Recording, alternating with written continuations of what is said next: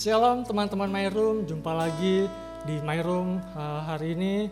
Sebelum kita memulai My Room hari ini, mari saya undang kita semua untuk menyembah Tuhan. Kita masuk hadirat Tuhan lebih lagi, kita datang kepada Tuhan, tinggalkan segala beban yang kita hadapi hari-hari ini. Kita masuk dalam penyembahan. Haleluya Yesus Tuhan.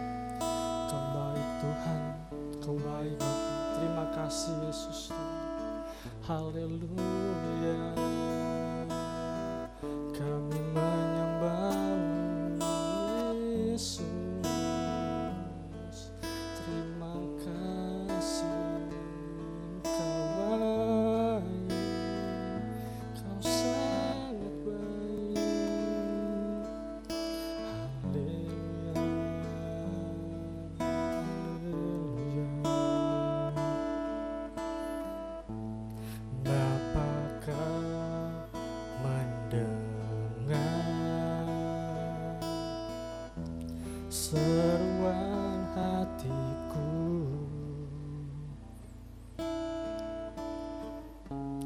Tak pernah kau lepaskan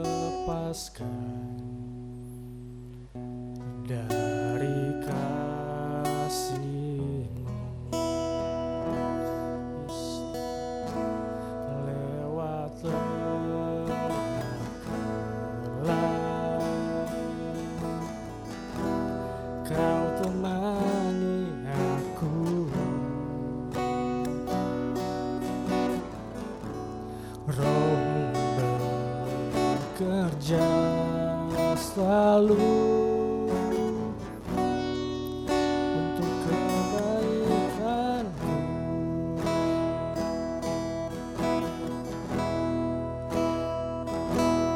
mengalir kuasa dari tempat maha tinggi Bapa kekal mulia Kau hadir di sini menyembuhkan yang terluka ku kan tenang bersamamu Bapa ya Yesus Tuhan. Haleluya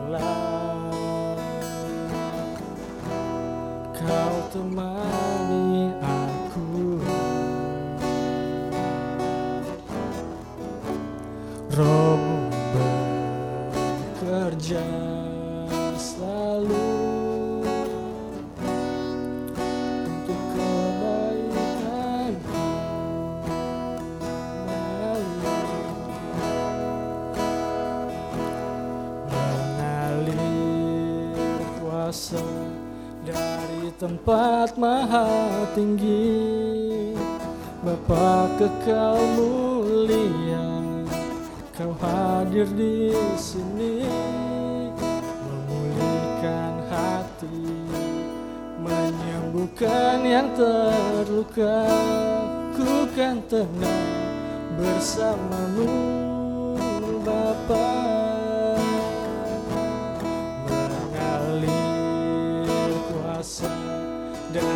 tempat maha tinggi. Bapa kekal mulia Kau hadir di sini. Memulihkan hati menyembuhkan yang terluka. Ku kan tenang bersamamu Bapa mengalir kuasa dari tempat maha tinggi. Bapa kekal mulia Kau hadir di sini. Memulihkan hati Menyembuhkan yang terluka. Ku kan tenang bersamamu Bapa. Sembah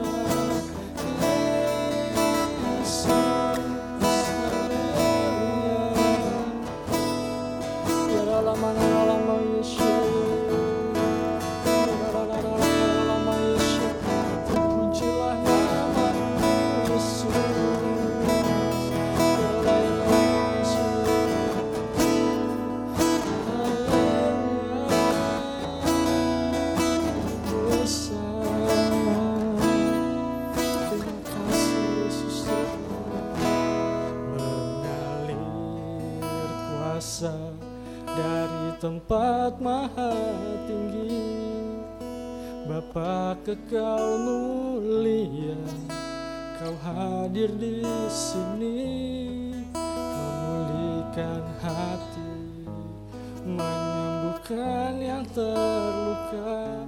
Ku kan tenang bersamamu Bapa. Mengalir kuasa dari tempat maha tinggi Bapa kekal mulia Kau hadir di sini. Memulihkan hati menyembuhkan yang terluka. Ku kan tenang bersamamu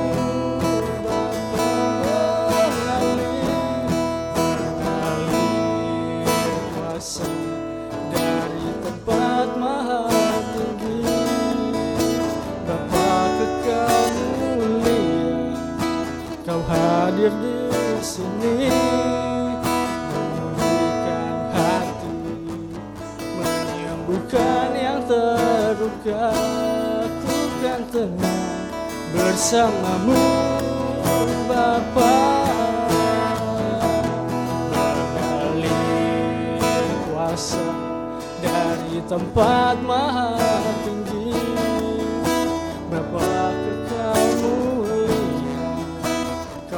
hadir di sini. Memulihkan hati menyembuhkan yang terluka ku kan tenang bersamamu Bapa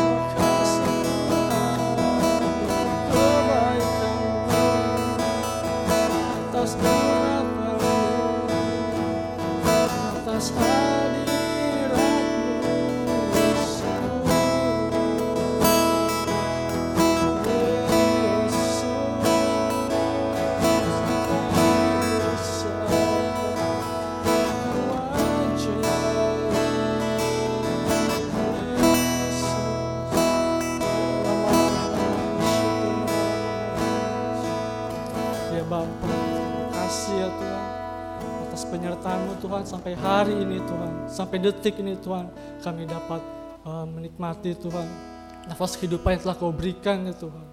Terima kasih ya Bapa, terima kasih ya Tuhan Yesus di dalam nama Tuhan Yesus Bapa. Sebentar kami akan mendengarkan sedikit kebenaran firman-Mu Bapa. Biar Tuhan kau tuntun kami ya Tuhan, berikan kami hati yang mau dibentuk ya Tuhan, hati yang mau diajar ya Tuhan.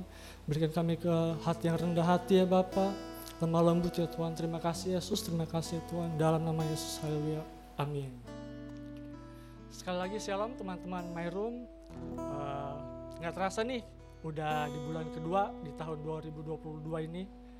Uh, aku mau kayak sedikit mau mereview nih, mereview sebulan sebelumnya nih. Uh, apakah sudah lebih baik dari tahun sebelumnya? Pasti belum ya, masih masih sebulan pertama gitu.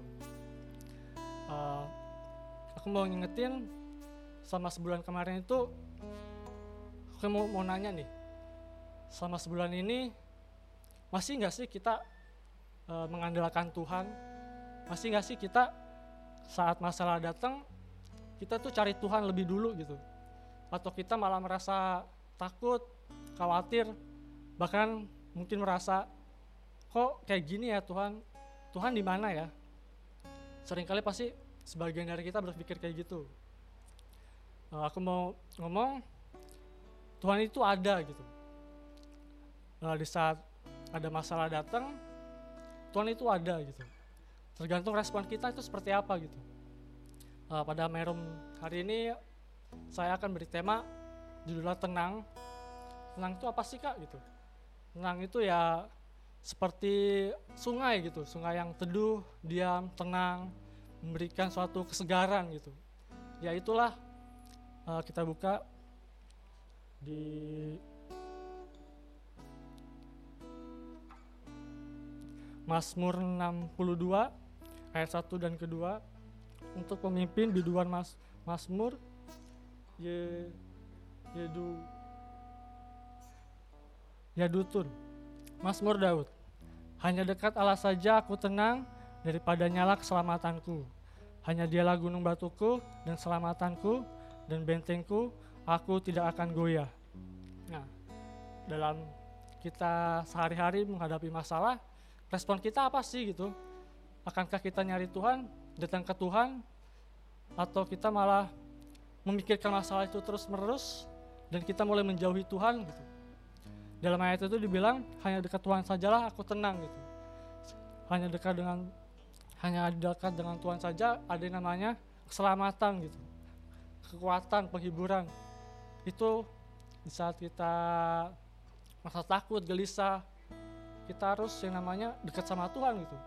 Harus cari Tuhan karena Tuhan sumber dari segala-galanya gitu. Kalau misalnya aku ambil contoh saya sendiri gitu. Setiap masalah datang uh, respon kita itu itu penting gitu. Uh, tergantung kita mau meresponi uh, firman Tuhan atau malah kita bakalan menjauh gitu. Kita malah takut. Padahal kita sendiri tahu firman Tuhan berkata jangan takut aku besertamu.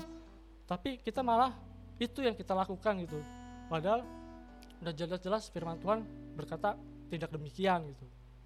Kenapa sih itu bisa terjadi gitu? Ya karena intimidasi dari si iblis gitu. Pada saat Tuhan Yesus di padang gurun, iblis mencobai Tuhan tuh dengan firman Tuhan. Ya begitu juga dengan kita gitu. Di saat masalah datang, ya iblis menggunakan firman Tuhan itu untuk mengintimidasi kita gitu. Katanya Tuhan beserta elu gitu. Katanya Tuhan nggak pernah ninggalin. Tapi mana kenyataannya? Itu yang membuat kita malah menjauh gitu dari Tuhan. Padahal jelas-jelas Tuhan berfirman hanya uh, dalam Matius 11 ayat 28 29 mari Marilah kepadaku semua yang letih, lesu, dan berbeban berat. Aku akan memberi kelegaan kepadamu. Pikulah kuk yang kupasang dan dan berjalanlah padaku, karena aku lemah lembut dan rendah hati, dan jiwamu akan mendapat ketenangan. Nah firman Tuhan datang pada kita bilang, kalau kamu capek, kamu ada masalah, datang padaku gitu. Bukannya malah menjauh gitu. Uh, aku mau sharing sedikit apa yang saya rasain gitu. Kalau misalnya pernah sekali kayak merasa ada masalah berat banget itu sampai nggak bisa mikir apa-apa gitu kan. Di saat masalah datang yang kepikiran malah malah pakai kekuatan sendiri gitu.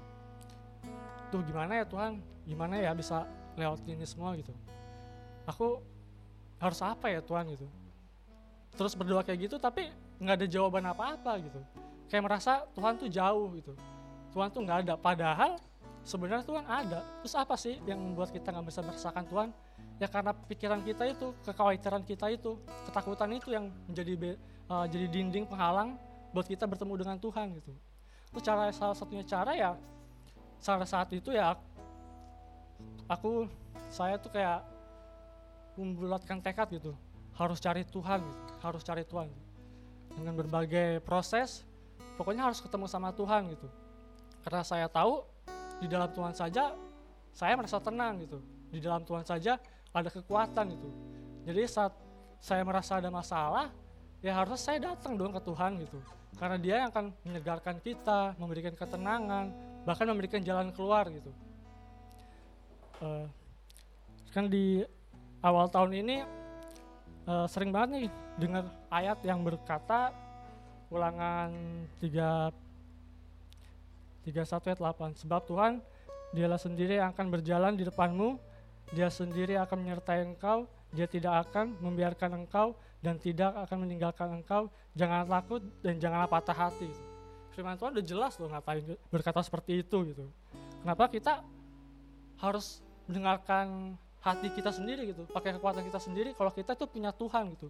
Jadi yang perlu kita sadari ya kita punya Tuhan gitu loh.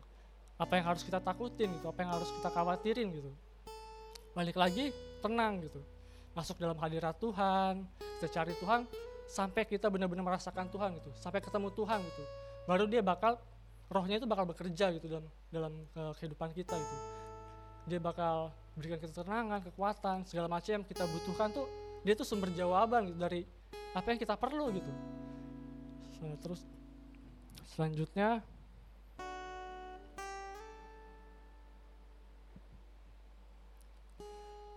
Diberkatilah orang yang mengandalkan Tuhan, yang menaruh harapannya pada Tuhan, ia akan seperti pohon yang ditanam di tepi air, yang dirambatkan akar-akar ke, ke tepi batang air, dan yang tidak mengalami datangnya panas terik, yang daunnya tetap hijau, yang tidak khawatir dalam tahun kering, dan yang tidak berhenti menghasilkan buah. Itu kayak, wow, itu firman Tuhan yang, yang menurut saya ya, bahkan dia bilang tidak akan kekeringan gitu. Jadi kayak pohon yang ditaruh di tepi pinggir sungai itu nggak bakal kekeringan gitu. Jadi kalau kita dekat Tuhan ya seperti itu. Seperti kita ada di dekat sungai gitu nggak bakal mengalami kekeringan bakal terus merasa segar gitu lalu dalam Yesaya 43 ayat yang ke-19 lihat aku hendak membuat sesuatu yang baru yang sekarang sudah tumbuh belumkah kamu mengetahuinya ya Aku hendak membuat jalan di padang gurun dan sungai-sungai di padang belantara. Ini janji Tuhan gitu. Janji Tuhan yang yang menurut saya itu wah, wah banget gitu menurut saya. Dan saya imani gitu sampai hari ini gitu. Sebenarnya ayat ini sudah pernah saya dapat tuh kira-kira dua tahun yang lalu gitu kan. Sampai hari ini saya masih mengimani dan masih bekerja gitu. Maksudnya kayak ya setiap ada masalah selalu ingat ayat ini gitu. Tuhan tuh akan membuat jalan di padang gurun, bahkan membuat sungai-sungai gitu di padang belantara. Suatu hal yang sebenarnya mustahil, tapi itu terjadi kalau kita eh, seperti tadi mengandalkan Tuhan, menaruh harapannya sama Tuhan. Itu kayak suatu yang membuat saya tuh kayak iya ya Tuhan, kenapa kenapa saya harus susah payah mikir pakai kekuatan saya sendiri gitu. Sedangkan firman Tuhan itu udah jelas mengatakan gitu.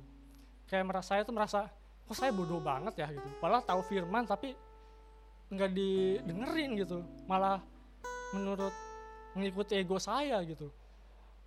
Contohnya saya kayak buat ilustrasi gini kayak masalah itu kayak bola kertas yang kita taruh uh, depan mata kita gitu. Nggak bisa ngeliat apa-apa. Kita cuma bisa lihat kertas itu. Karena kita memikirkan masalah itu terus menerus jadi kita merasa masalah ini besar Tuhan. Padahal kalau kita lihat dari jauh masalah itu tetap ada tapi terlihat kecil gitu. Yaitu sesuatu hal yang bisa dibilang yaitu paradigma yang baru seperti itu gitu. Kayak sebenarnya hal hal simple sih hal yang sebenarnya menurut saya mudah dilakukan gitu. Kalau kita bersama dengan Tuhan pastinya gitu. Seringkali kita ini kayak kita sering berpikir kita melakukan suatu hal yang terbaik nah, menurut kita sendiri gini. Menurut kita sendiri itu hal yang baik buat kita sendiri gitu. Padahal e, manusia itu memandang ya hanya hanya sejauh mata memandang gitu. Kita nggak bakal tahu apa yang ada di balik tembok apa yang ada di balik pintu. Sedangkan mata Tuhan itu tidak terbatas dia bisa menembus apa pun. Dia bahkan bisa melihat isi hati kita. Bahkan dia itu bisa melihat akhir dari hidup kita itu seperti apa gitu. Jadi yang yang tahu apa yang terbaik buat hidup kita ya Tuhan gitu. Bukannya kita gitu. Justru seharusnya kita itu ngikutin apa kata Tuhan gitu. Kayak tadi ayat yang dibilang aku sudah menunjukkan jalan yang telah kau tempuh gitu. Ada firman Tuhan berkata seperti itu ya Tuhan udah ngasih kita jalan kita tinggal ngikutin aja. Terus apa perlu khawatirnya kita gitu? Karena di saat Tuhan membuka jalan memberikan suatu uh, suatu hal gitu kayak jalan keluar ya kita lakuin aja. Kita nggak perlu takut gitu. Ya karena Tuhan beserta kita gitu. Dia nggak mungkin buka jalan tapi dia kita biarin jalan gitu aja. Dia pasti di belakang kita di samping kita menuntun kita gitu. Dia ada di depan ngasih tahu jalannya kamu ke sini kamu ke sini ya nggak perlu lagi kita capek-capek berpikir gitu pakai kekuatan kita sendiri gitu. Jadi uh, kamu bilang ya kita harus membawa hidup kita itu dekat sama Tuhan gitu biar Tuhan yang membawa kita menuntun kita gitu melalui jalannya sendiri gitu. Kita cuma tinggal ngikut aja Tuhan. Kita tuh tinggal setia aja gitu setia mengikuti apa mau Tuhan. Uh, setiap hari kalau saya gitu tiap hari ya Tuhan sebelum tidur tuh selalu uh, kayak kayak nge-review gitu hari ini apa aja yang terjadi gitu. Bersyukur Tuhan makasih buat hari ini. Besok seperti apa? Tuhan yang tuntun ya gitu. Kayak beri, beri saya itu bergantung sama Tuhan gitu. Dari hal yang setia dalam perkara hal kecil seperti itu tuh menurut saya itu kayak ya masalah ada cuma yang nggak perlu ditakutin gitu. Dan yang pastinya yang nggak hanya beriman seperti itu tapi juga harus ada tindakan gitu kan. Iman tanpa perbuatan itu ya mati gitu. Ya kita ada action lah Tuhan berkata A ya kita lakukan A gitu.